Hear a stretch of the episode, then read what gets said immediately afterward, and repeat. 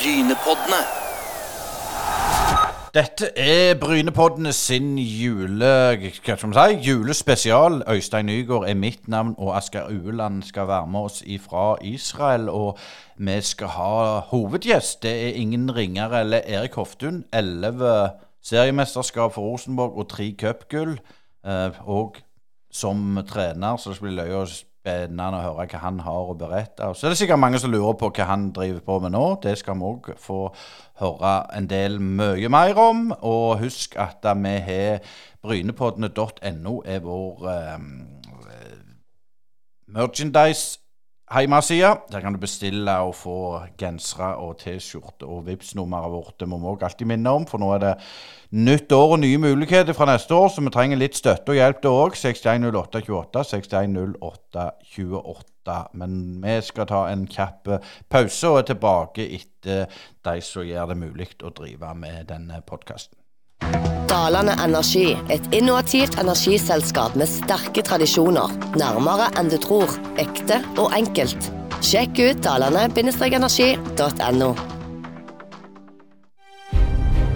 Du hører nå på Brynepoddene, en uavhengig og litt dypere podkast som gir deg lyden av ekte sport. Vi har studio på Bryne, og herifra sender vi deg motstemmen til den overflatiske og klikkorienterte sportsjournalistikken. Ja, det stunder jo mot jul, og uh, noe som jeg kom på akkurat nå i Brynepodden, Asker, det er at vi må kåre årets nisse. Og uh, det er gjerne ikke så fint, men en som ser ut som en nisse, eller, eller har du dette tjafsete skjegget ditt ennå, Erik Hoftun? fin intro. Ja, jeg har, jeg har det. Jeg har det og nå har jeg fått uh, to barnebarn og begynner å bli en voksen mann. og Nå er det jo ekstra viktig å ha, ha langt skjegg når det nærmer seg, nærmer seg jul, for jeg regner med jeg skal være julenisse for de, de to små barnebarna. Ja, det blir, det blir ekte skjegg, det blir ikke noe, det blir ikke noe løsskjegg, altså. Det Nei, det bra. Men vi skal vel ikke snakke så mye om Julanes i denne Brynepodden. Men, men, din rolle nå i norsk toppfotball, og der har du vært ikke så veldig lenge. Det, det er sportssjef du er. og Fortell litt om, om, rollen din der, Erik.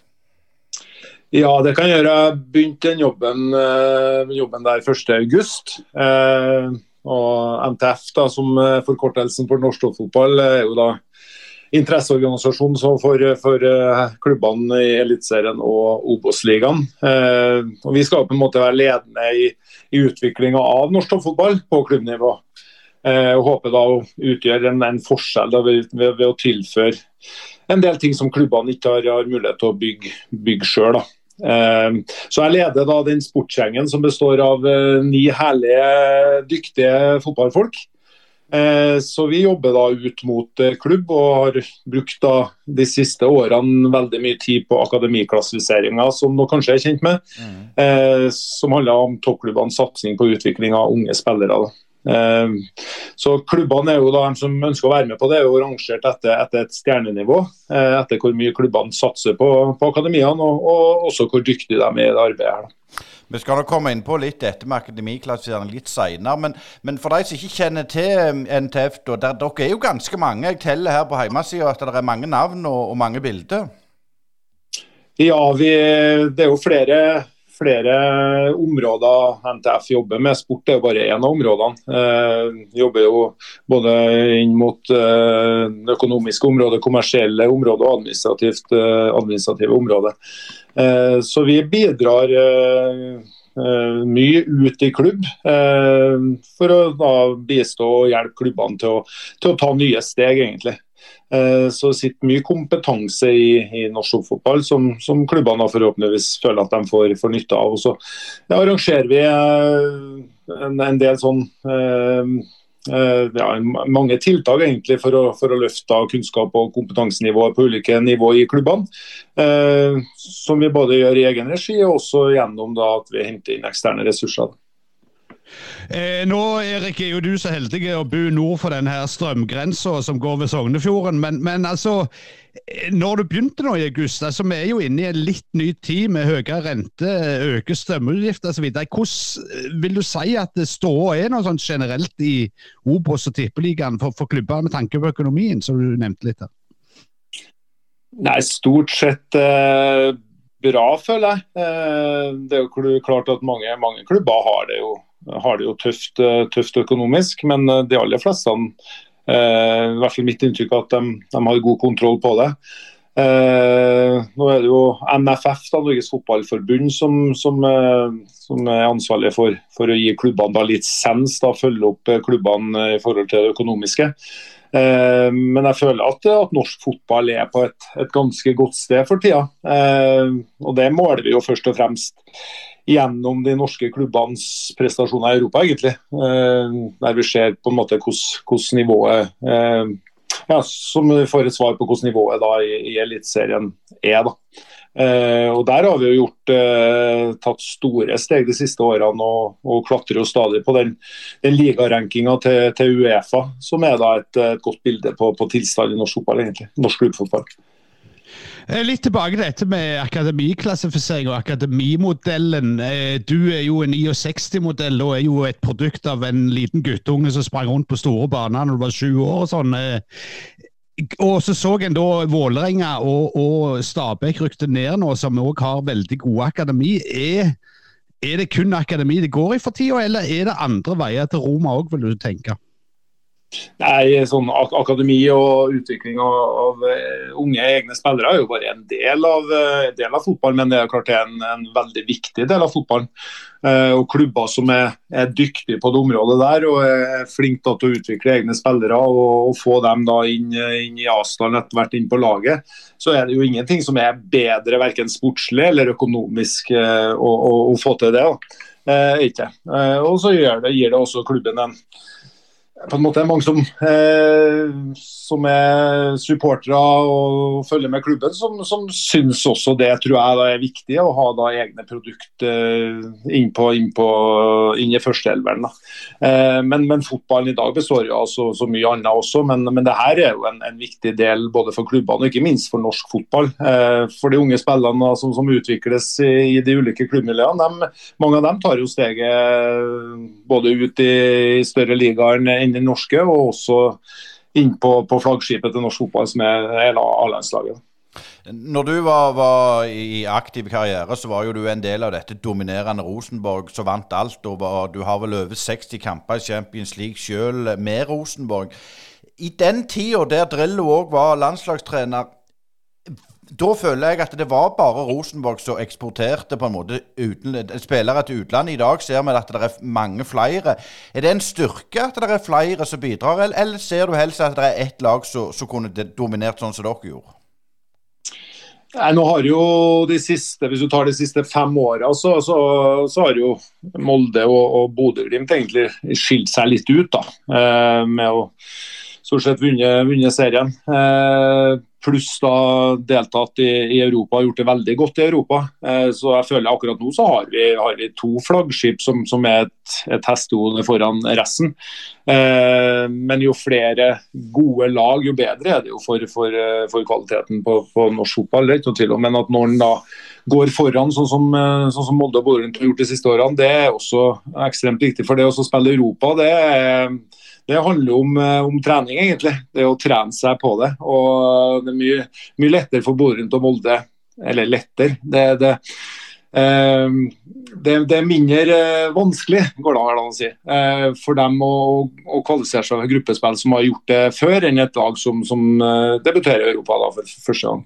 Ja, litt, når du nevner de lagene, så har jo du spilt både for Molde, Rosenborg og Bodø-Glimt, så du vet jo absolutt hva du snakker om der. Men dette med å lære i Europa, vi hører det hele veien, at Rosenborg måtte liksom lære i flere år. Det, du var jo en del av det laget, som jeg sa.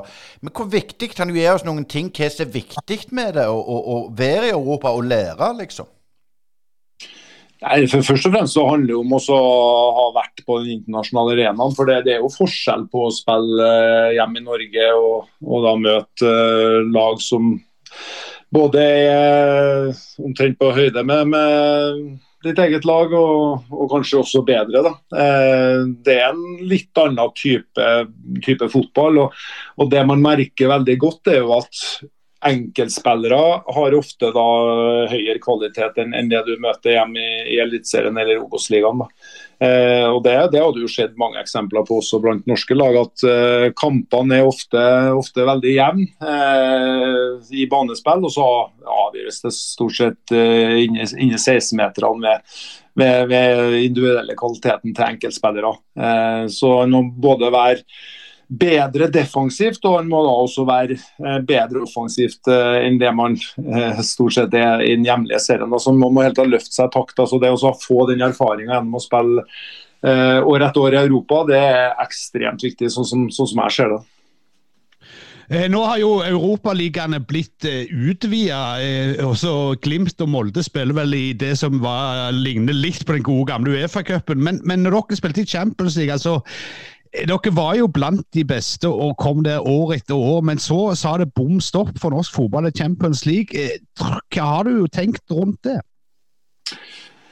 Det er jo ikke noe tvil om at avstand fra de beste norske klubbene og opp til de absolutt beste klubbene i Europa har økt fra den gangen eh, jeg spilte Champions League. Det er ikke noe tvil om. Og jeg så en sånn oversikt for eh, et par, par år siden på omsetninga i, i, de ti største klubbene i, i Europa tilbake i ja, rundt årtusenskiftet, og, og sammenligna med, med sånn 20 år senere. Eh, og ta Rosenborg, da, så er omsetninga til Rosenborg ikke så langt unna det nivået det var faktisk for, for, for 20 år siden eh, i dag. Mens for de, de ti beste klubbene i Europa så, så kan du gagne med seks. De har gått fra en milliard til seks-sju milliarder i omsetning årlig. Så det er ikke noe tvil om at avstanden opp til de, de, aller aller beste har blitt større. og Det gjør det jo selvfølgelig mer utfordrende å konkurrere i, i Champions League, da, som, som, er den øverste arenaen i, i Europa. Eh, men samtidig så, så, er det mulig, og nå har eh, både Bodø-Glimt og Molde vært nærme de siste årene. Eh, har vært i, i playoff, begge lagene. Eh, så at det, er mulig å gjøre det eh, en eller annen gangen, det er ikke jeg tvil om. Men å, få en sånn rekke som, det, som vi hadde med Rosenborg, som jeg hadde med Rosenborg for, for 20-30 eh, år siden, det, den tida tror jeg er forbi. Nettopp pga. at avstanden er så stor opp til det aller beste. Ja, Når du nevner den tida der, så var jo du kaptein på, på flere av disse kampene. Og, og du har vært kaptein mot liksom Arsenal, PSV, Real Madrid, Juventus, Borussia Dortmund osv. osv.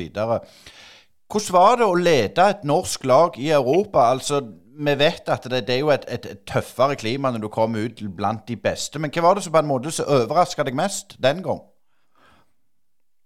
Nei, det som eh, Jeg vet ikke om det var noe, så mye som overraska meg, egentlig. Det var på en måte en sånn Hva skal jeg si en, en sånn en sånn utvikling for oss også de årene der. Eh, I de første årene så, så ble det jo stort sett feid av banen på bortebane, eh, mens vi hadde gode resultat igjen på Lerkendal. Og så etter hvert så, så knakk vi litt, litt den bortebanekoden også. Eh, gjorde vi og, og gjorde noen justeringer, eh, spesielt med, med, med, laget når vi ikke hadde ball. For Nils Arne var jo alltid sånn, han skulle jo gjøre akkurat det samme på Lerkendal, eller på bortebane som, som, som, han gjorde med laget på Lerkendal. Men det viste seg at det, det, var ikke noe særlig god taktikk. Så vi fikk justert laget litt på bortebane, og da, da begynte vi å få en del gode resultat borte også. Men den, den forskjellen på å spille hjemme og borte, den, den husker jeg opplevd som, som ekstrem. Eh, de aller, aller, aller, aller fleste lagene som kom til Lerkendal, de de var sånn i utgangspunktet fornøyd med, med ett poeng og hadde en kampplan litt deretter. Eh, mens på hjemmebane så var det alle mann angrep og ble løfta frem av, eh, av titalls tusen publikummere. Så det, det, var, det, var, veldig stor forskjell. Men den der, si, den, den kollektive sjøltilliten som vi etter hvert opparbeida oss eh, i Rosenborg, den var ganske ekstrem. For sånn spiller for spillere så var jo vi på et langt lavere nivå enn en de spillerne som vi, som vi møtte på de, de, fleste lagene i Champions League. Men eh, det var jo det laget Rosenborg som, som, på en måte gjorde det her mulig, å få gode, gode resultat og også faktisk å gå, gå videre et, et par sesonger der.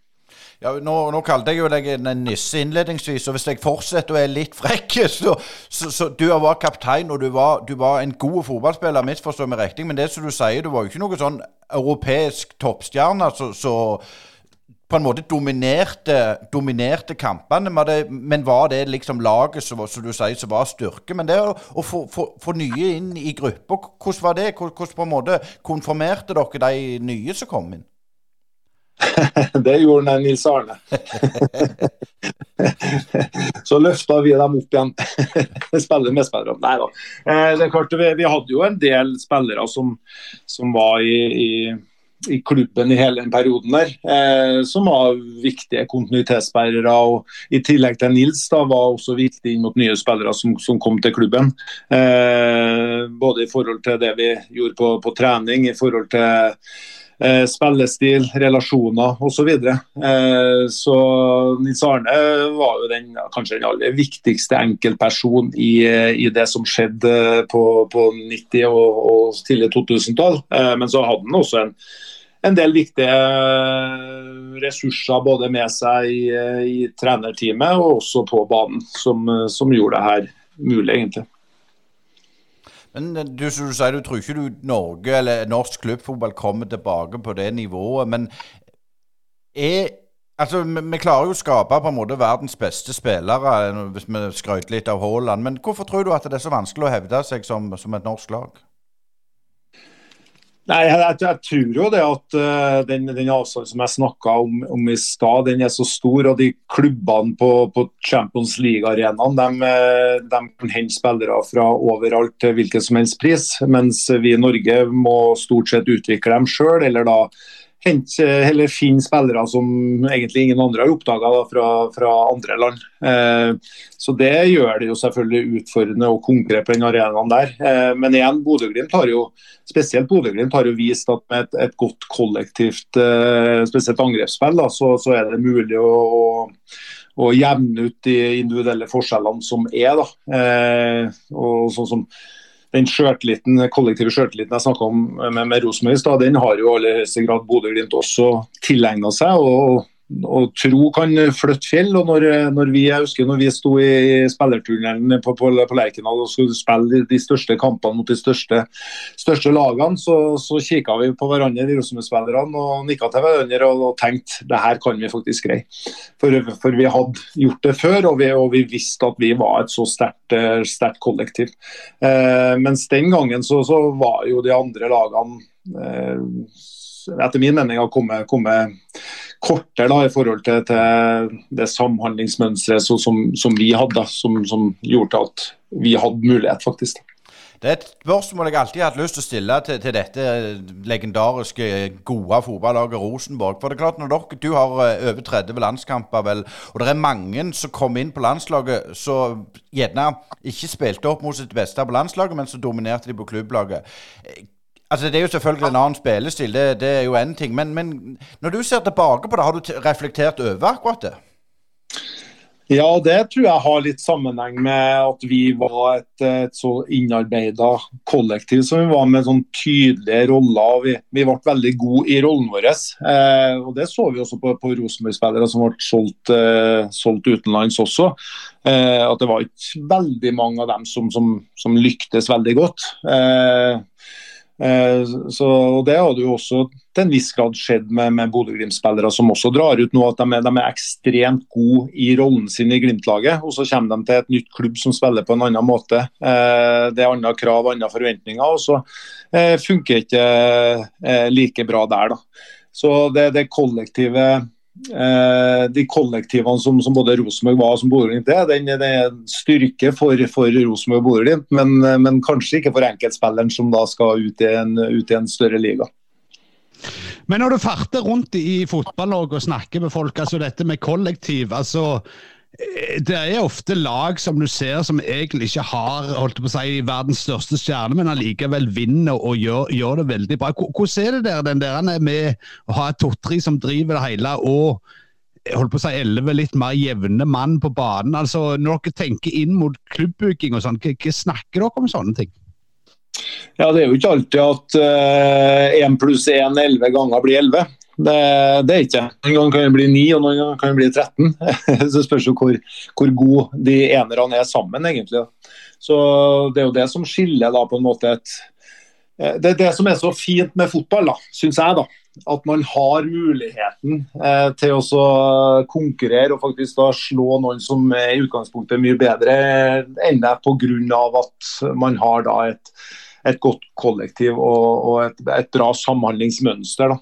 Eh, I individuell idrett så, så, vinner jo stort sett den eh, raskesten eller sterkesten, eh, men i fotball så, så kan faktisk et, et, dog, et, kvalitetsmessig dårligere fotballag slå et bedre pga. at man har da eh, elleve spillere som skal virke sammen. Og Det er det, det som fascinerer meg aller mest med fotball og lagidrett, for så vidt. Ja, Vi skal ikke innom de bra bravurene dere hadde i Champions League, for det er så mange at da blir vi, blir vi sittende her uh, hele kvelden. Men, men klart, du, du sier, sier, jo opp, skulle til å si, legge opp i Er det 2008 det står på transfermarkedet? Jeg vet ikke om det stemmer, men det gjør vel gjerne det? 2007 var siste sesongen min. Ja, uh, og, og, da er det Når var det du på en måte tenkte at nå har jeg lyst til å, å bli trener og, og gå den veien? Ja, sier det. Eh, siste sesongen min i Rosenborg var, var 2005. Og på sommeren der så spilte jeg mindre enn det jeg har gjort før. Eh, var da rocka blitt en voksen mann. Eh, 36 år var jeg vel. Eh, og var naturlig nok ikke med da i fremtidsplanene til, til Rosenborg. Eh, så had, følte jeg at jeg hadde fortsatt både lyst og jeg hadde også var fortsatt på et sånt nivå at jeg kunne spille fotball videre. Da. Og Så kom jo da Bodø-Glimt på banen den sommeren 2005. Eh, Det syntes jeg hørtes veldig spennende ut, så jeg hoppa jo på det. Og Da var jeg spiller da i, i ut 2005, da, et halvår der. da. Eh, og Så fikk jeg da muligheten til å tre inn i, i andre roller også i Glimt, både som sportsleder og trener og spiller. så jeg hadde veldig mange hatter. Og var det i, i to sesonger. Eh, og Det ga veldig mersmak å få lov til å, å sitte på den sida eh, i en, en fotballklubb. Eh, og på, være med å påvirke hele produktet på en helt annen måte enn, når, du er, enn når du bare er spiller. da. Eh, så da ble det jo på en måte en flammetrinn til meg at, at, fotball var noe som jeg kunne tenke meg å holde på med videre også. Og så flytta jeg jo hjem til Trondheim etter 2007-sesongen og eh, fikk da etter hvert muligheten som sportsleder i Rosenborg, som jeg var da en, en god del år. Eh, og så ble det uh, ut på treningsfeltet med en Kåre etter hvert. Så jeg uh, har prøvd mange forskjellige roller, jeg trivdes egentlig godt i alle av dem. Og fotball har på en måte vært hele livet. og det føltes, når jeg først uh, la opp, så føltes det naturlig å fortsette innen fotballen. Eh, kan du si litt om, om endringene som har skjedd i, i treneryrket, siden du holdt på å si to kurs og, og gikk gjennom hver nå, kontra det som er i dag? Ja, det, det, er flere endringer. Eh, de største endringene føler jeg vel at det er jo et helt annet apparat rundt laget i dag enn det var ja, eh, for bare 10-15 år siden. Eh, da var det stort sett en hovedtrener og en assistenttrener og en keepertrener og en fysioterapeut som utgjorde eh, kjernen av, av kompetanse rundt laget. da. I dag så har, har, de fleste lagene veldig store team rundt seg med mange mange flere roller. Så en hovedtrener i dag skal jo lede et, en langt større apparat da, enn man gjorde, gjorde før. og det, det er ganske, ganske, stor forskjell. En annen ting er jo sånn som verden har blitt med, med digitalisering og eh, sosiale medier og at alt, eh, alt skjer, så, skjer, så, hurtig. da. Eh, så man må forholde seg til, til omverdenen på en helt annen måte i dag enn en måtte før. Eh, når vi spilte kamp for 30 år siden, så på, på en lørdag, så, så sto det jo ingenting om kampen i den eneste medie før på mandagsmorgenen når uh, avisa kom ut. Så det, det er ganske, ganske, stor forskjell. Så det er mye mer utfordrende føler jeg å være, være trener i dag enn det det var den gangen. da. Uh, selv om man i utgangspunktet jobber med akkurat det samme, det er å få da eh, elleve uh, spillere til å, å, fungere best mulig sammen i, i kamp. da. Ja, det jeg tenkte på, det tenkte jeg med å være fagmann Erik Hofte når du blir sportssjef på en måte etter Eggens i tid. og, du, du, du, starter jo mest med, med 50 meter tillegg, når, for å bruke hestespråket, med, med, en sånn en legende. Hvor vanskelig var det? Det er klart, når, når Nils Arne bestemte seg for å gi seg etter 2002-sesongen, eh, så går jo Rosenborg inn i en, en veldig sånn utfordrende tid. Eh, og, skal hoppe etter, etter Virkola, et, et, et, kjent uttrykk, men å ta over Rosenborg etter Nils Arne Eggen jeg, jeg, tror ikke i hele verden fantes en, en vanskeligere oppgave på den tida, faktisk. Det, det tror jeg ikke. Eh, og så har man det i tillegg her i Trøndelag. Alle som er glad i fotball og glad i Rosenborg, de har en bestemt oppfatning av hvordan Rosenborg skal spille fotball. og Det er sånn som en Nils Arne gjorde. Og Hvis man ikke gjør det akkurat sånn, så da er man fort ute å kjøre. Eh, så man skal helst da være en, en, kopi av Nils Arne og gjøre det minst like godt. Det er utgangspunktet. og Det sier jo seg sjøl at det, det, det, er en umulig oppgave. Så for de som som kom som trenere i, i årene etter Nils Arne, hadde en veldig sånn utakknemlig oppgave, egentlig. Eh, og I tillegg til det så, så hadde jo også Rosenborg utover på 2000-tallet, meg sjøl inkludert, en litt sånn aldrende stall som man måtte på et eller annet tidspunkt gjennom et kraftig generasjonsskifte også. Eh, så det, det, var ikke lett å komme etter Nils Arne, altså. Det, det var det ikke. Men, men, hvor vanskelig er det å kommunisere det ut at, at uh, fotballen endrer seg, formasjoner endrer seg uh, og sånne ting, og folk vil fremdeles spille den gamle 4-3-3-formasjonen? Nei, Det er ikke noe enkelt. og så vil jo Mye av det Nils Arne gjorde, og mange av uh, hans prinsipper og postulat eller lever jo i beste velgående i dag. men så er det jo sånn at alt går går fortere i dag. Eh, og Fotballen spilles på stort sett mindre områder, det er mye tettere. Eh, og når jeg en sjelden gang har datt innom en kamp der jeg sjøl spilte, eh, på nettet, så, så, blir jeg like skuffa hver gang, for jeg syns det ser så dårlig ut. ja, det, går, det, går, det, er så store rom, og det går så sent. så, så, fotballen har jo utvikla seg enormt på, på ja, bare de siste ti årene, men 20-30 årene. og Sånn vil det jo fortsette å gjøre. Men, men, eh, mange av ideene til Nils Arne er jo, er jo, går an å bruke i dag, uten tvil. Men jeg, men jeg tenker meg og Asker har snakket litt uh, før her uh, med tanke på Erik Ten Hag i Manchester United. Det er jo òg sånn som Ferguson spilte, sånn skal de spille nå. Det er jo mye av de samme mekanismene, men det ser jo ut som det er en forbannelse for begge klubber, faktisk. Ja, det, det, ligner veldig på hverandre, egentlig.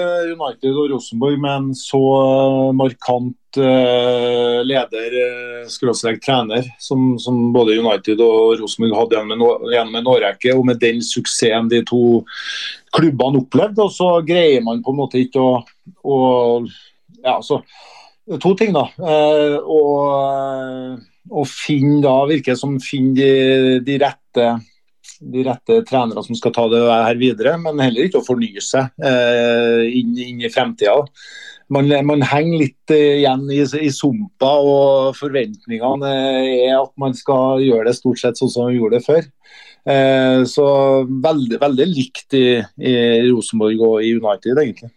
Ja, for, for, det ender jo med at du og Kåre Ingebrigtsen tar over og, og, vinner det som vinnes kan, og får sparken. Den historien har vi jo hørt. Eh. Men det, det er liksom det med, med, med at dere vinner, men du sier det, det er rundt. Er det media? Er det enkeltpersoner? Men, men det har du jo på altså Svein Målen overtar. Da har jo ryktene gått på at han var veldig uenig i sånn som Kjetil Rekdal spilte osv. osv. Men det er jo en del av gamet, så det takler jo dere som jobber med dette. Men, men liksom, er omlandet så stort og, og så grassat press? Er det det som gjør det, tror du? Ja, Det er nok en, en årsak at uh, supporterne i dag har veldig stor påvirkning. Uh, hvis man får supporterne mot seg, så, så, virker det som det, det, det blir veldig utfordrende.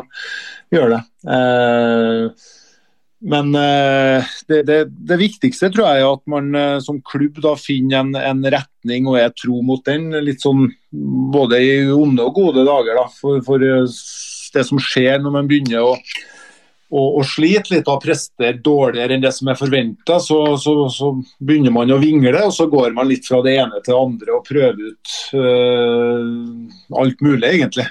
Så det å stå i det også i perioder gå litt tyngre, tror jeg er, er viktig. Da. og Det er sånn i forhold til, til det også. Å sparke trenere òg, som, som, gjøres veldig ofte. da. Eh, nå har jo jeg sittet som sportsleder eh, sjøl og også vært en del av det, så jeg møter meg sjøl litt i døra her. da. Men eh, det å tørre å stå med en trener sjøl om du opplever litt motgang, da. Eh, og Der er jo de aller, aller fleste klubbene veldig utålmodige i dag. da, og, og klart gjennom da press, da, gjerne press fra omgivelsene, fra supportere, media osv. Eh, dette med supporterpress, er det kun sosiale medier, eller er det òg på klubbene at lederen ikke er som i gamle dager? Jeg tenker jo Eggen ville jo bare drete i hva folk sa på sosiale medier om han hvis det gikk dårlig. Ja, så Det er jo mye virkemidler. da, altså klart eh, Man uttrykker seg veldig kraftfullt på sosiale medier det gjør man jo. Men eh, det er jo mange klubbledere og trenere som har opplevd både meg sjøl inkludert igjen, da, både bannere på tribune, stilleaksjoner, eh, bannere på klubbhuset, eh, sinte mailer osv. Så, og så, videre. så det er mange måter man, man, uttrykker seg på. Men gjennom sosiale medier i dag så kan man jo gjøre det på en veldig kraftfull måte. Det, det, kan man. Og, og det virkemidlet bruker jo mange supportere. Men med fasiten i, i, hånd så har de jo ikke vunnet noe siden du og Kåre hadde de, og sånn sett så kan jo det være litt skadefryd. Men, men, Kåre går jo videre og, og trener forskjellige lag. Han har vi òg hatt som gjest i Brynepoddene. Nå trener han jo Ranheim og henter skjellbredde og, og um, og nå står det helt stilt. Han andre gamlingen, så ringer han til deg og spør om du skal spille snart. ja, vi får se. Nei da, den, den tida er over.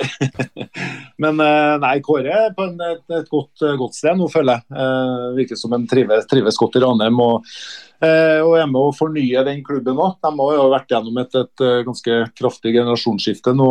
Og nå har han jo prøvd å bygge opp eh, laget igjen med, med, med, langt flere unge spillere. Så det blir spennende å følge Ranheim fremover. Det blir det. Ja, ja Gams Pedersen er det jeg snakker om. Men jeg tenker litt sånn, sånn som Rosenborg. Når du hadde pyramiden, du, Rosenborg var best og størst i, i, i Trondheimsfotball. Men sånn er det jo i, i dag òg, på en måte. Selv om, om dere, når dere var, så var det, var det Strindheim som var litt oppe og lukta av og til. Og nå er det nå er det um, Ranheim. Men, men, sånn sett så har uh, pyramiden ikke endra seg så mye. Nei, det er ikke noe tvil om hvem som er, hvem som er storebror i Trondheim. Nei, det er ikke. Så den posisjonen den er, den er udiskutabel. Eh, så får jeg virkelig håpe da at, eh, at Rosenborg nå eh, finner, finner, tilbake til seg sjøl. Nå er de jo meisla ut en ny strategi. Eh, og Nå handler det om å være tro mot den fremover. Og, og Utgangspunktet i Trøndelag for at Rosenborg skal igjen bli en toppklubb, er jo helt fantastisk. Eh, den sesongen de har hatt i, hatt i år, eh, så greide de å fylle Lerkendal eh, to ganger. 16. Eh, mai selvfølgelig, men også en annen gang. Pluss at det er opp mot 20 000 på et par andre kamper òg. Så potensialet er jo skyhøyt, og interessen for Rosenborg er jo enorm. Så jeg er helt sikker på at Rosenborg kommer tilbake igjen, så får jeg håpe at det ikke, ikke tar altfor lang tid. Men, men, når Øystein snakker om pyramiden, her, så er det jo eh, på en måte et enormt godt rekrutteringsgrunnlag i, i Trøndelag nå. Altså Hvis du tar med eks-nordtrønderne og sånn. altså Det er jo mange klubber både i Posten og, og Obos som på en måte kan gi kamptid til de unge lovende. Ja, den, den uh, utviklingstrappa jeg kan kalle den, er veldig fin i Trøndelag. Som du sier, flere klubber på, på nivå tre. Nå har vi både Levanger og Ranheim på, på nivå to neste år, og Rosenborg da i, Eliteserien. Eh, så jobbes det veldig godt i, virker som godt i akademiet i, i Rosenborg. og eh, For en del av de unge spillere som kommer opp der, så vil det, det også gå en omvei om en, via en annen klubb før man da blir aktuell for, for førsteelver til Rosenborg, være veldig nødvendig. Eh, nå har de jo en, en, spiller som har vært i Kristiansund i år, som de forventer store ting av på Lerkendal neste år. Og En sånn reise tror jeg flere spillere må ta for at, å ta steget rett fra, fra juniorlaget og opp opp, i, opp på A-laget til Rosenborg, eller for så vidt en annen eh, eliteserieklubb, den er ikke alltid så enkel. Men å da få erfaring fra, fra f.eks. nivået under eh, et halvt år eller et år, før man da er klar, det, det tror jeg blir mer og mer, mer vanlig at klubbene, klubbene gjør. Men eh, sånn for din del, Erik, så, så var jo du sport, nei, trener, og du fikk uh, sparken. Det ble rettssak, som jeg har vært inne på. Men, men etter den tida så Kåre går videre og blir trener andreplasser. Men du, du går over i den sivile jobb. Hvorfor gjorde du det? Nei, du, når den rettssaken var over, så, så, hadde jeg litt fotballen eh, Eller jeg hadde fotballen eh, langt oppi halsen, egentlig. Da var jeg ganske, ganske lei og følte veldig for å ta en, ta en, pause, egentlig. Så da søkte jeg meg om etter andre, andre muligheter, og, og, endte opp da i Trondheim Spektrum og jobba der i ja, fire år. Eh, og for min del var det veldig godt, egentlig det var det. Og gjøre noe helt annet. Nå var det ikke sånn at jeg ikke fulgte med fotballen på en tid, for jeg er veldig glad i fotball. så jeg, har fulgt med og så mye fotball, men det var godt å ikke stå i det til daglig. egentlig. Og Så dukka den muligheten i MTF opp, og da, da gjennom den prosessen så kjente jeg at uh, lysta var tilbake. Så Nå er jeg ekstremt motivert for å gjøre en, en god jobb for norsk fotball. Men uh, det føltes veldig godt å, å, å, ta et steg tilbake og stå litt utafor en periode. Det, det, gjorde det for min del. Uh, men Kåre som du sa, han hoppa, hoppa rett i det og, og har vært i, i flere klubber etter Rosenborg. Eh, du er jo, eller var midtstopper, og, Ståle Solbakken har jo uttalt dette med, med kunstgras, at det er derfor de ikke produserer midtstoppere så gode som du var. Hva syns du om den debatten? Nei, det, Jeg syns det er fint at vi får en debatt om det. For uh, nå, nå, det norske landslaget nå har, har, så mye spennende typer, uh, spesielt offensivt. Eh, at det skal være mulig å ta seg til et mesterskap. Og så er det noen posisjoner man kanskje ikke har det utvalget man ønsker, og kanskje da stopperposisjon er en av dem. Eh, så har det jo blitt en sånn trend i norsk fotball at man, man utvikler mange eh, midtbanespillere, egentlig teknisk gode midtbanespillere. Eh, og så får ikke man helt frem de de gode defensive midtstopperne. Eh, og så er det jo interessant å se det opp mot, eh, mot eh, det underlaget man til enhver tid trener på. Eh, for det er ikke noe tvil om at det er annerledes å være forsvarsspiller på kunstgress eller på naturgress. Og fotballen blir også litt, litt annerledes. Eh, det foregår mer på bakken. Mindre innlegg, eller færre innlegg. Eh, så en, en midtstopper får eh, færre muligheter til å, å, øve på det som er kanskje det aller viktigste for en midtstopper, nemlig å, å hindre mål. Så det, det, her blir litt sånn synsing fra min side, men eh, det, det kan ligge noe der. Så, så, ta den debatten og kanskje da få litt uh, fakta på bordet, og ikke bare synse, kan være veldig, veldig spennende og, og også viktig å gjøre, tror jeg. Jeg tror, det, jeg tror det var Leif Gunnar Smerud som var inne på dette, at det òg eh, holdt på å si treningsopplegget annerledes. I gamle dager så hadde vi jo det der klyngespillet der vi spente hverandre ned, og midtstopperne kvesta alle spisser som kom inn i nærheten og sånn. Er det noe der òg, tror du?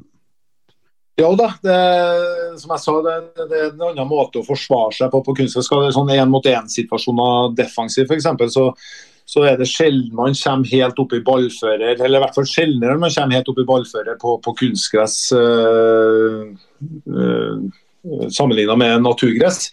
Så, så hele, eller, alle aspekter ved det å forsvare seg er litt annerledes på kunstgress eller naturgress.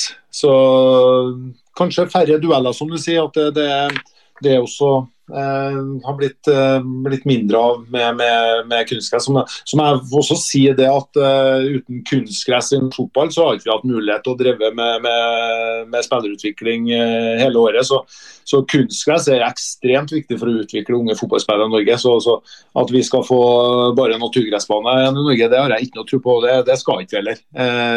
debatten, eller det han Ståle har den brannfakkelen han har kasta inn, er vel at mener at Eliteserien i hvert fall skal spilles på naturgress. Det, det, er på en måte en litt annen type diskusjon.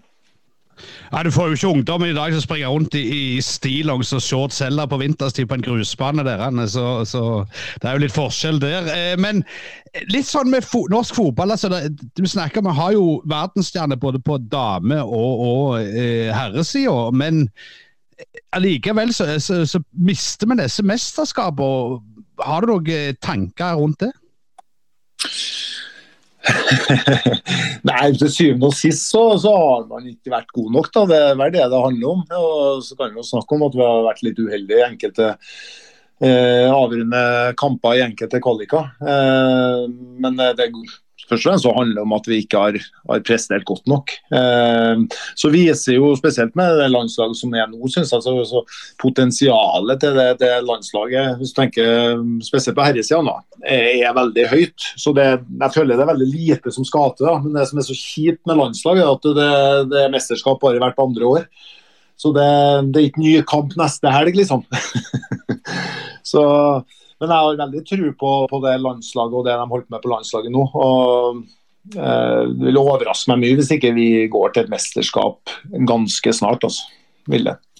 Jo, men Du sier du har tro på det. Altså, vi ser jo på yngres landslag de gjør det veldig godt både på jente- og guttesida, mens på A-landslaget så er det Ja, det står for min regning tynn suppe.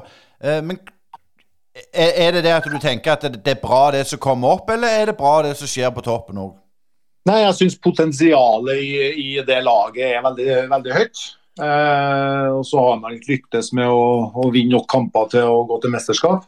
Eh, I tillegg som du sier, så kommer det opp, eh, kommer det opp masse, masse, spennende spillere. og så sånn, spillere med sånn internasjonal, eh, internasjonal snitt over seg. Bare ta de, de, de to kantspillerne som har prøvd seg på landslaget med Nusa og Bob. Eh, hvilke, hvilke spillertyper det er. Det er sånne spillertyper du egentlig ser i, i, andre land enn i Norge. Men nå er de på det norske landslaget, eller de er i vannskorpa til, å få en viktig rolle på det norske landslaget. Og, og akkurat sånne ting gjør meg veldig, veldig optimistisk for fremtida vil jo, eh, vil jo Ødegård og, og Haaland fortsatt uh, sette sitt preg på det, på det landslaget. der, så Jeg, jeg føler det er lite som skal til, men, men tilbake, tilbake, til det vi snakka om i stad. Vi, vi, har sluppet inn for mye mål. Det, det har vi gjort gjennom, gjennom flere kvaliker. Så vi må bli bedre til å forsvare oss. og Da handler det om å utvikle de typene der som kan, kan løfte oss også på, på, det, på det området.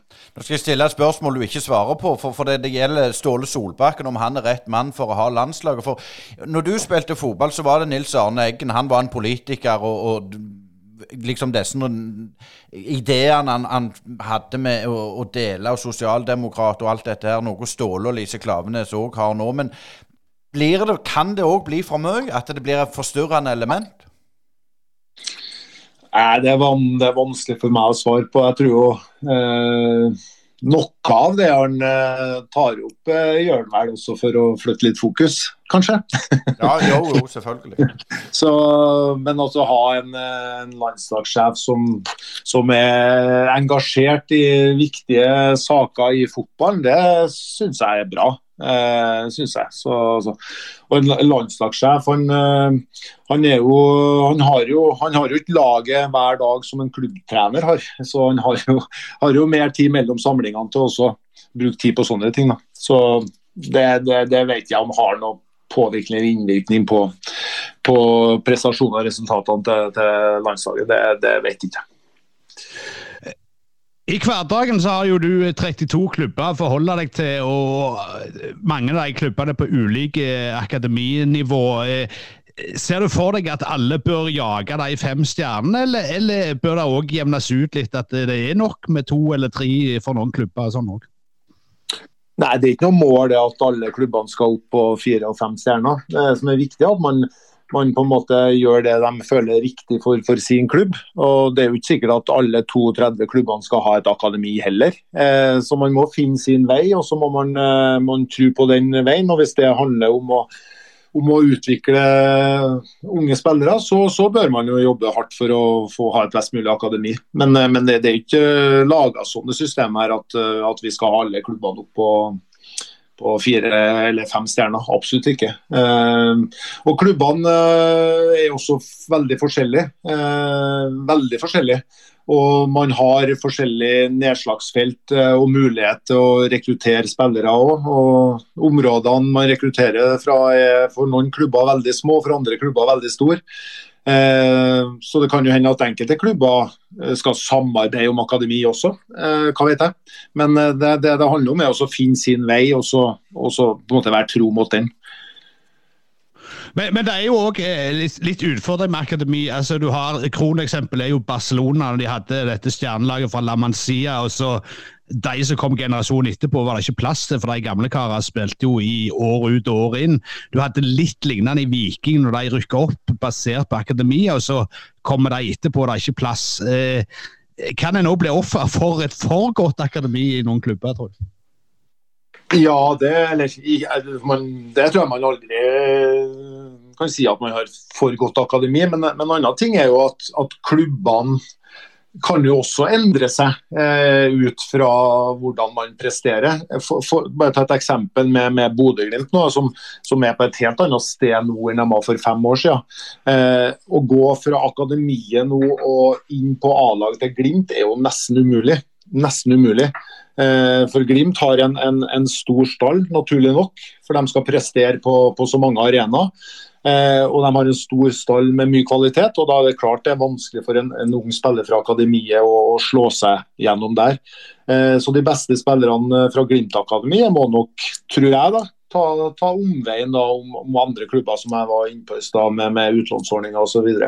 Eh, Viking også har jo eh, nå tatt steg. Eh, i, i, i Eliteserien og er også på en annen plass nå enn de var for for fire og fem år siden. Nå er de jo en, eh, en, definert som en toppklubb, og satser jo mer som en toppklubb også. Et eksempel var jo det de gjorde i, i sommer med å, med å, beholde to spillere som, som uh, kunne ha blitt solgt. Eh, Istedenfor å selge dem, så henter de inn, inn, to forsterkninger, nettopp for å prøve å sikre da, medalje i Eliteserien og, og europaspill neste år.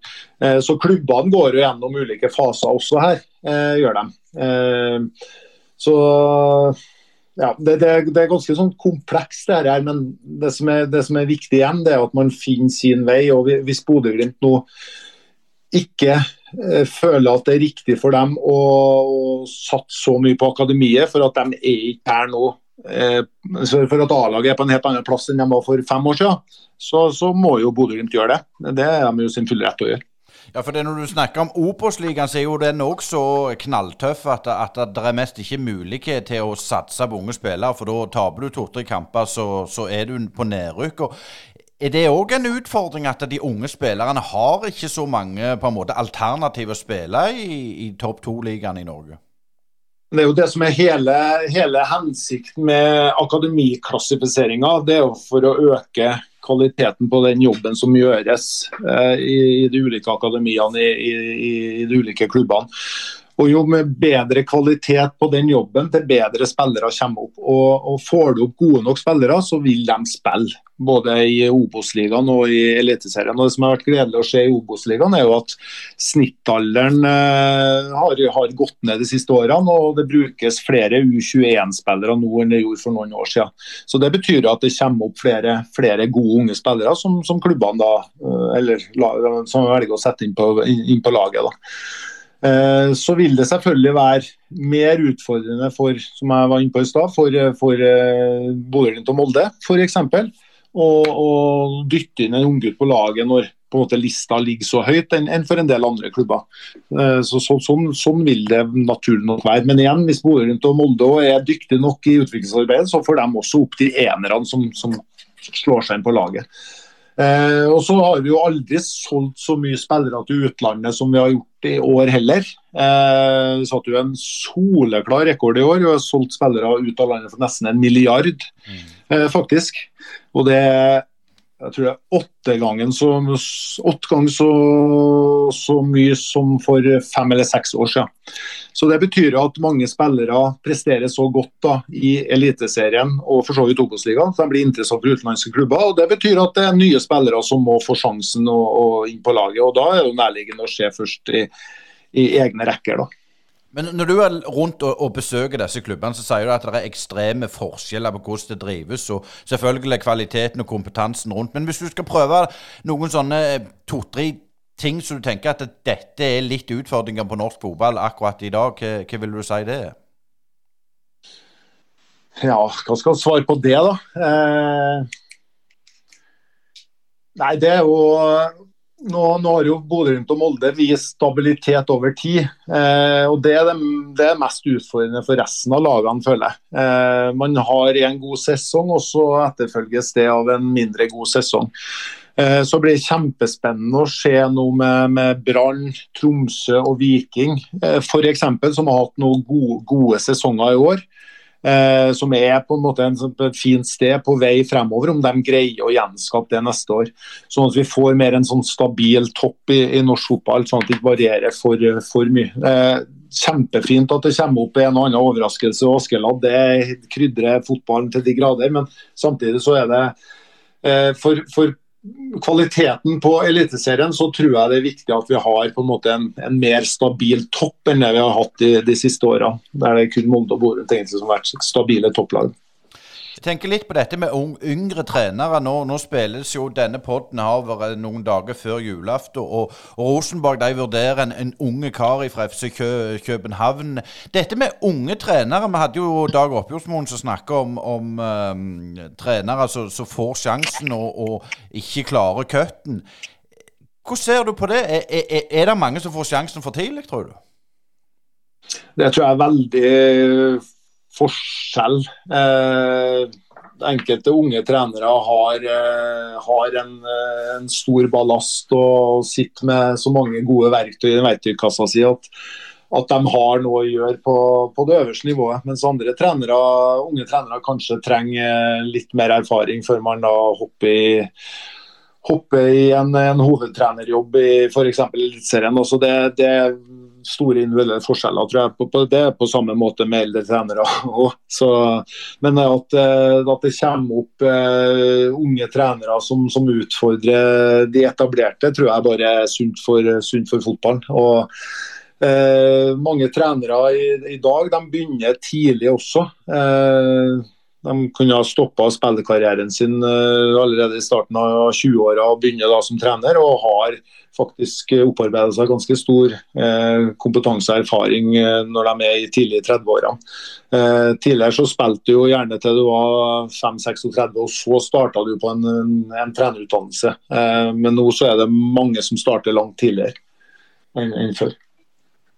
Eh, nå tilhører vi med samme generasjon, men, men, hva vil du si er den største forskjellen blant de unge spillerne som du møter i hverdagen i dag, kontra den tida du sjøl var aktiv?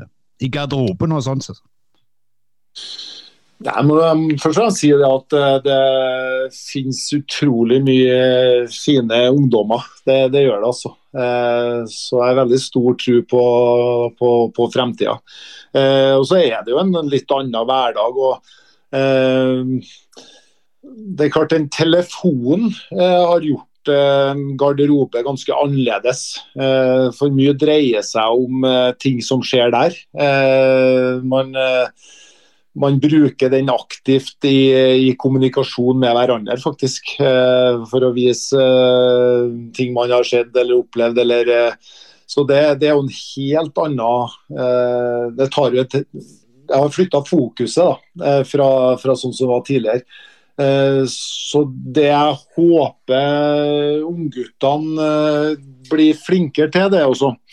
Å diskutere mer faget, diskutere mer fotball enn det som er mitt inntrykk er at de gjør i dag. Da.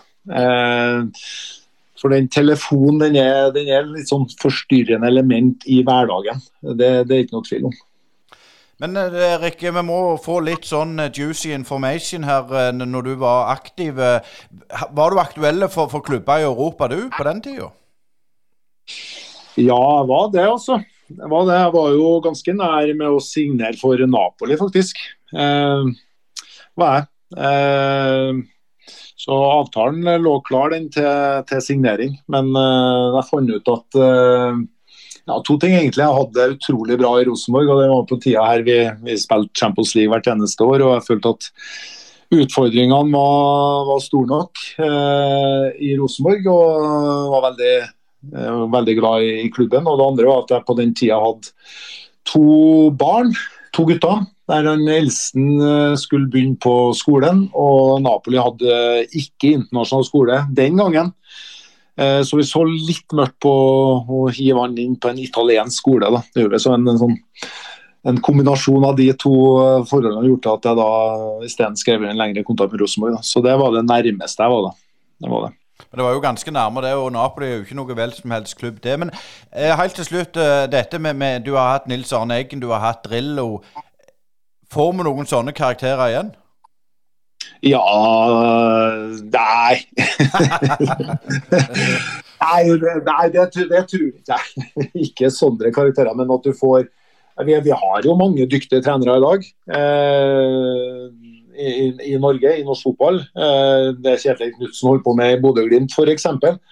Eh, Erling Moe kan ha fått det i Molde mange år. Eh, Ståle Solbakken med den eh, med, med, det han har gjort uh, i, sitt, uh, i, sitt, trenerliv. Ronny Deila som, som har en så stor klubb som, som Klubb Brygge. Så vi, så vi, har jo trenerpersonligheter i dag som er på et, et høyt nivå.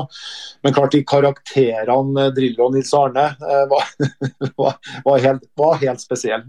det er ingen tvil om det. Men bare litt sånn, når du var på landslaget, var det mye av de samme spillprinsippene du så igjen på klubb og landslag? Vi sa jo det at da jeg iallfall følte mange Rosenborg-spillere kom på landslaget, så, så, var det ikke så dominerende som de var på klubblaget. Eller, eller var det på en måte bare nivået som var så mye bedre på landslaget? Ja, klart Nivået var jo høyere når du, når du da samler de, de, beste norske spillerne. og På, på den tida så jeg, vet, jeg, husker ikke antallet, men da hadde vi vel 40-50 eh, spillere i, i, Premier League, tror jeg. Så det er klart eh, Nivået på, på norske spillere var høyt. Eh, men forskjellene på, på Drillo og Nils Arne er jo stor, det er jo ikke tvil om. Begge ønsker at det skal gå fort fremover, men med helt forskjellige virkemidler, egentlig. Så, så noen få likheter, men sånn som jeg ser det, er størst forskjeller på, på de to. Eh, sånn som for din egen del framover nå, er det, er det, nå skal vi ikke snakke ned NTF, men, men har du lyst til å bli, bli, manager og trener igjen? Det har ikke jeg tenkt noe over. Nå har jeg, har jeg, det veldig fint der jeg er i dag. Eh, jeg er på et godt sted, føler jeg. jeg gir meg masse å jobbe i NTF med, med gode kollegaer der. Eh, og så vet en aldri i fotballen, da. Det, det, gjør man ikke. Så det, skal ikke eh, avskrive, noe som helst, men uh, akkurat nå så er ikke tankene mine der. Det er de ikke. Politisk korrekt svar. Men du følger med hva som skjer i Rosenborg spesielt, du gjør det? Ja, Rosenborg er klubben i mitt hjerte. Det skulle være mange etter å ha opplevd uh, alt jeg har gjort, og var så heldig å få være med på den det eventyret i Europa. Eh, så følger jo, følger jo Rosenborg tett, men jeg, jeg, følger jo norsk fotball tett. Det, det gjør jeg. Så, eh, men det er klart, eh, Rosenborg vil jo alltid legge nærmest mitt hjerte. Det vil det jo gjøre. Men jeg må ærlig innrømme at jeg har hatt litt utfordringer med å finne ut hvor mange medaljer Har du oversikt over hvor mange cup- og seriegull og, og alt det du har? Ja, det har jeg. Det, det er ikke så mange vet du, at en mister tellinga på det. Jeg har eh, elleve seriemesterskap og tre cupmesterskap. Ja, Det er jo ikke så rent lite, det. Det er en fantastisk eh, prestasjon. Og vi får bare si tusen hjertelig Ja, det må vi spørre om. Eh, julemiddag, hva er det som blir servert da? Du, eh, til oss er det kalkun. Eh, jeg har eh, kone og tre barn som ikke er noe spesielt glad i verken ribbe, pinnekjøtt eller lutefisk. Så vi har alltid hatt kalkun på julaften og koser oss veldig med det. Gjør vi. Superant, suverent. Tusen hjertelig takk, Erik Hoftun, for at du tok deg tid til Brynepodden. Og, og masse lykke til som julenisse. det går nok bra. Tusen takk skal du ha. Hyggelig å være med. Dalane Energi, et innovativt energiselskap med sterke tradisjoner. Nærmere enn du tror. Ekte og enkelt. Sjekk ut dalane-energi.no. Det var det vi hadde fra Brynepodden i denne julespesial. Og vi skal bare ønske alle en riktig god og velsigna julehøytid. Selv om det er jul og pinnekjøtt for oss, så skal vi komme tilbake med en nyttårs-Brynepodkast uh, neste torsdag for det. Men for alt i verden, ha en god og fredfull jul, og husk å ta vare på dine nærmeste. Og gi til et godt formål. Det er folk som trenger det mer enn oss. Tusen hjertelig takk for uh, fulle og riktig god jul. Brynepoddene.